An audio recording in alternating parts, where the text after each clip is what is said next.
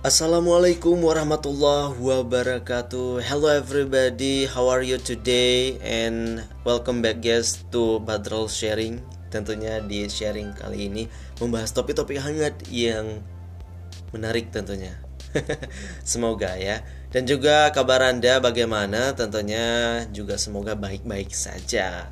Nah, di sharing kali ini berkaitan dengan situasi yang sedang terjadi ya Badrul mau coba membagikan sebuah apa namanya ya bisa dibilang dengan catatan masa lalu atau kenangan masa lalu atau hal di masa lalu yang mungkin anda rindukan di masa covid ini ya.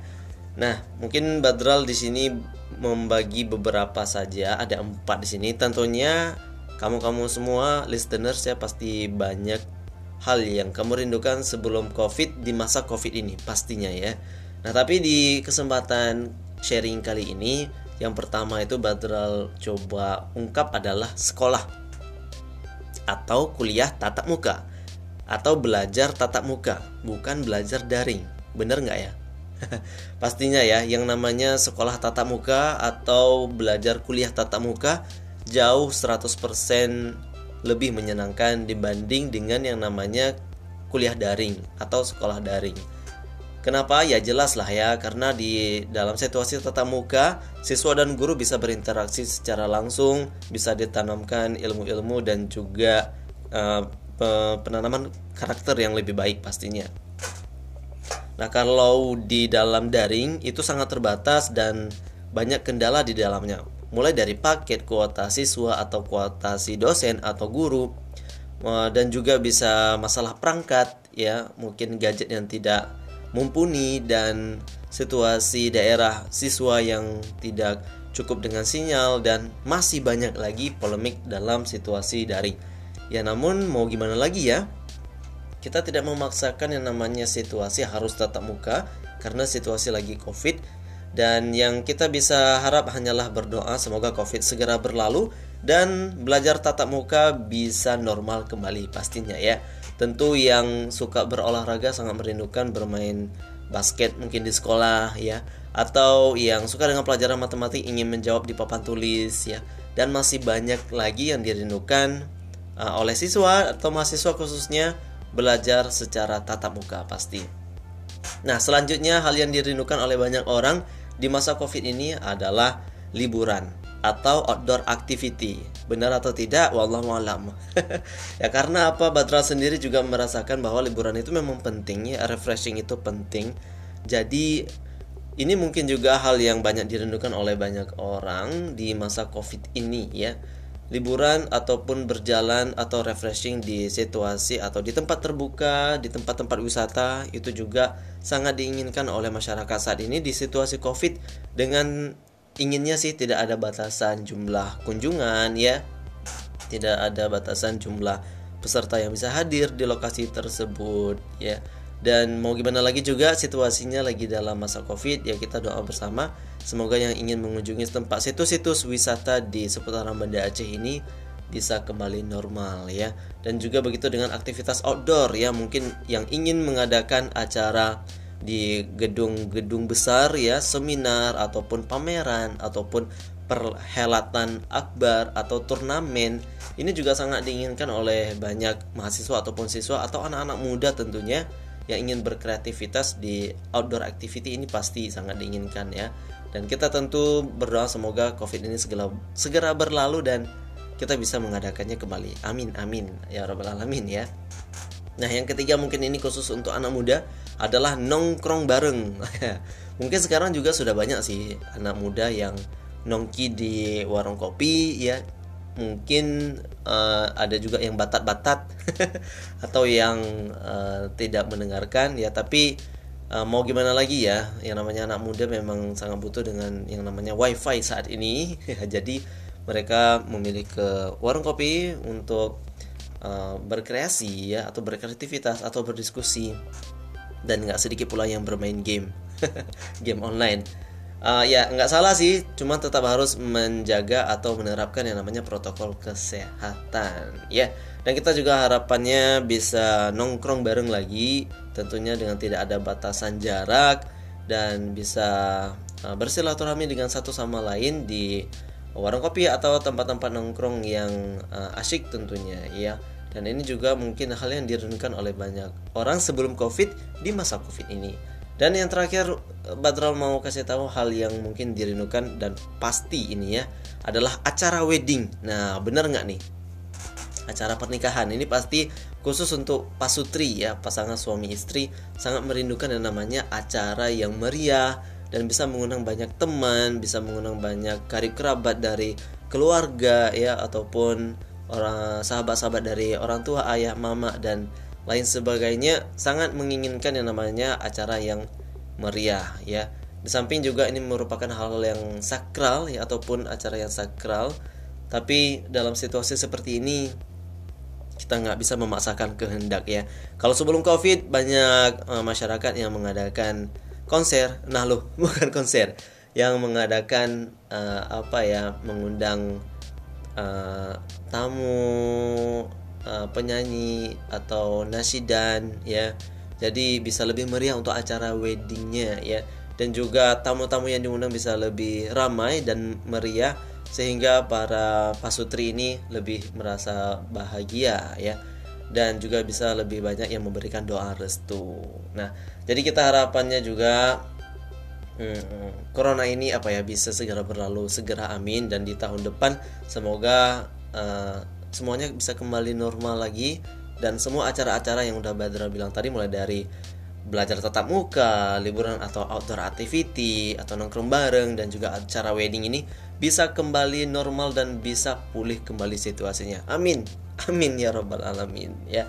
Semoga uh, di sharing kali ini bermanfaat untuk kamu-kamu semua. Bagi kamu yang memiliki ide apa yang kamu rindukan di masa sebelum COVID, di saat COVID ini boleh uh, japri ya. Mana tahu nanti di sharing selanjutnya apa ya Badral pengen bisa collab sama teman-teman sekalian yang mau membagikan uh, situasinya atau hal yang dikangenin sebelum covid di masa covid ini. Oke kita jumpa lagi di sharing selanjutnya. Terima kasih banyak udah dengerin. Finally I say wassalamualaikum warahmatullahi wabarakatuh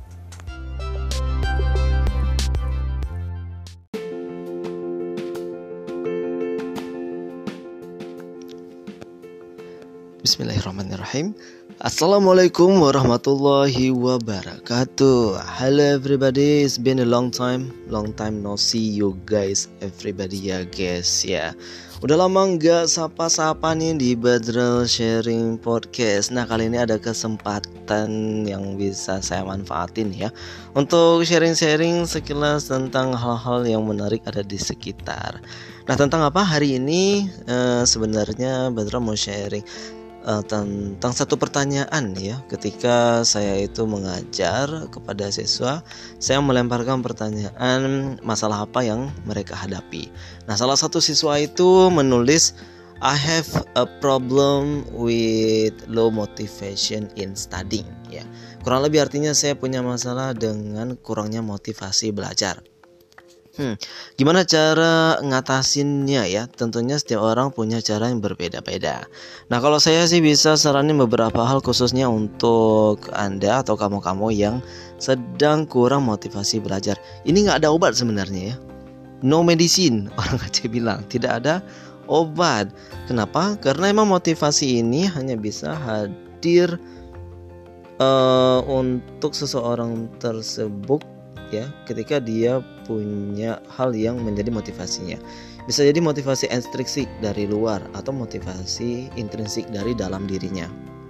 Nah jadi di sini saya coba sharing beberapa aja agar si anak ataupun kalian juga bisa kalau ini bermanfaat ya untuk meningkatkan motivasi belajar.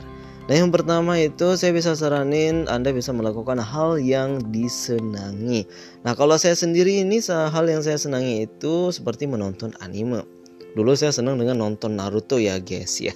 Mungkin ada fansnya Naruto di sini. Nah jadi dengan nonton Naruto ini banyak scene-scene yang bisa meningkatkan semangat belajar ya. Apalagi ketika dia belajar jurus-jurus baru lalu ketika dia berhasil menguasainya ini bisa terpengaruh loh. Walaupun anime anak-anak nggak anak-anak juga sih ya banyak darah-darahnya. Tapi uh, apa ya cara dia untuk belajar menguasai jurus ya lalu motivasi dia untuk mengalahkan musuh ini bisa menjadi apa ya booster ya. Jadi peningkat semangat belajar karena kita habis nonton ini anime gitu. Nah selain itu untuk anda juga mungkin yang senang dengan nonton movie tertentu bisa meningkatkan motivasi itu juga boleh dilakukan ya. Nah khusus anak milenial mungkin hal yang paling mereka senangi itu adalah main game yang kedua. Jadi yang pertama nonton anime mungkin senangnya dengan nonton drakor atau Bollywood. Ya bebas lah pokoknya bisa meningkatkan motivasi belajar setelah nonton uh, film. Yang kedua main game. Ini anak milenial sekarang memang banyaknya dengan main game ya. Bisa main PUBG mungkin main Mobile Legend itu paling rame. Lalu juga main app-app. Ya mana tahu anak-anak kecil sekarang sukanya dengan main app-app gitu ya Nah, jadi dengan main game apalagi bisa menang ya syukur-syukur bisa meningkatkan motivasi belajar karena banyak menangnya. Kalau kalah ya disyukurin aja ya. Kalau ada waktu ngepus nanti ya ngepus lagi. Hitung-hitung kita mencari apa ya kesenangan selain belajar jadi bisa manfaatin main game tapi jangan maniak ya karena kalau maniak itu udah candu bisa bahaya. Akhirnya memang benar-benar nggak termotivasi lagi untuk belajar. Ini sangat bahaya ya guys ya. Oke poin ketiga yaitu bisa berteman dengan orang-orang yang senang dengan belajar. Mungkin ini adalah hal yang paling dihindari oleh sebagian siswa. Kenapa? Ya karena memang mereka tidak senang belajar. Apalagi diajak berteman dengan orang-orang yang senang belajar. Wah paling anti biasanya ya. Nah jadi kalau siswanya sebenarnya malas belajar boleh melihat teman yang senang belajar. Kenapa? Karena dengan lihat dia senang belajar, kita bisa jadi termotivasi. Kenapa? Karena dia terus maju, sedang kita terus tertinggal. Oke, nah jadi dengan dia maju terus, kita boleh minta uh, apa namanya, boleh minta jurus-jurus ya yang dia lakukan sehingga dia senang belajar. Jadi bisa tertular sama kita untuk bisa belajar dengan lebih giat. Oke, itu yang pertama ya guys ya. Jadi untuk hal yang disenangi bisa dilakukan oleh uh, semua siswa. Nah, yang kedua uh, saya ingin sampaikan, yang kedua poinnya adalah ingat tujuan. Nah, jika motivasi kalian sudah kurang untuk belajar, ingat tujuan awal pergi sekolah atau kuliah ya, guys ya.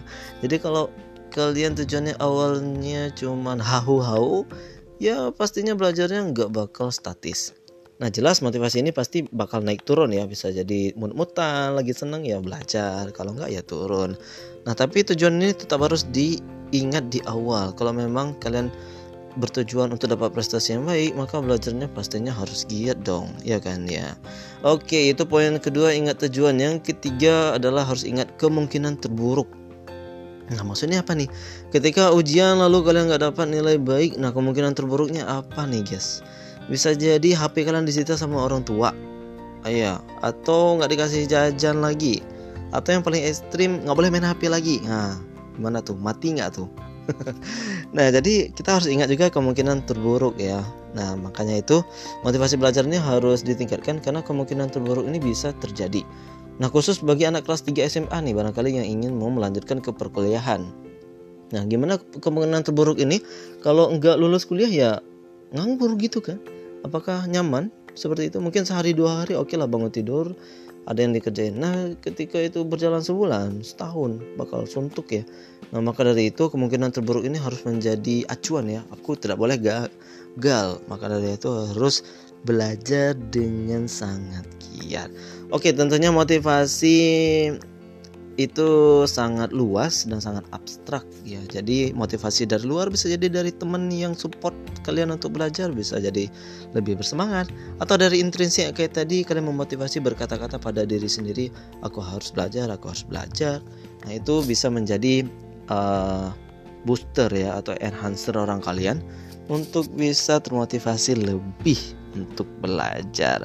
Ya kiranya itu aja udah panjang lebar di sore ini dan kesempatan ini coba Badral manfaatin ya. Semoga bisa bermanfaat untuk kalian khususnya yang kurang dengan motivasi belajar. Kalau ditanya jurus jitu sebenarnya tidak ada ya. Kembali lagi setiap orang punya caranya masing-masing untuk memotivasi belajarnya masing-masing pula. Oke, okay, thank you very much for today. Kita jumpa lagi di sesi sharing selanjutnya. I'll see you next time.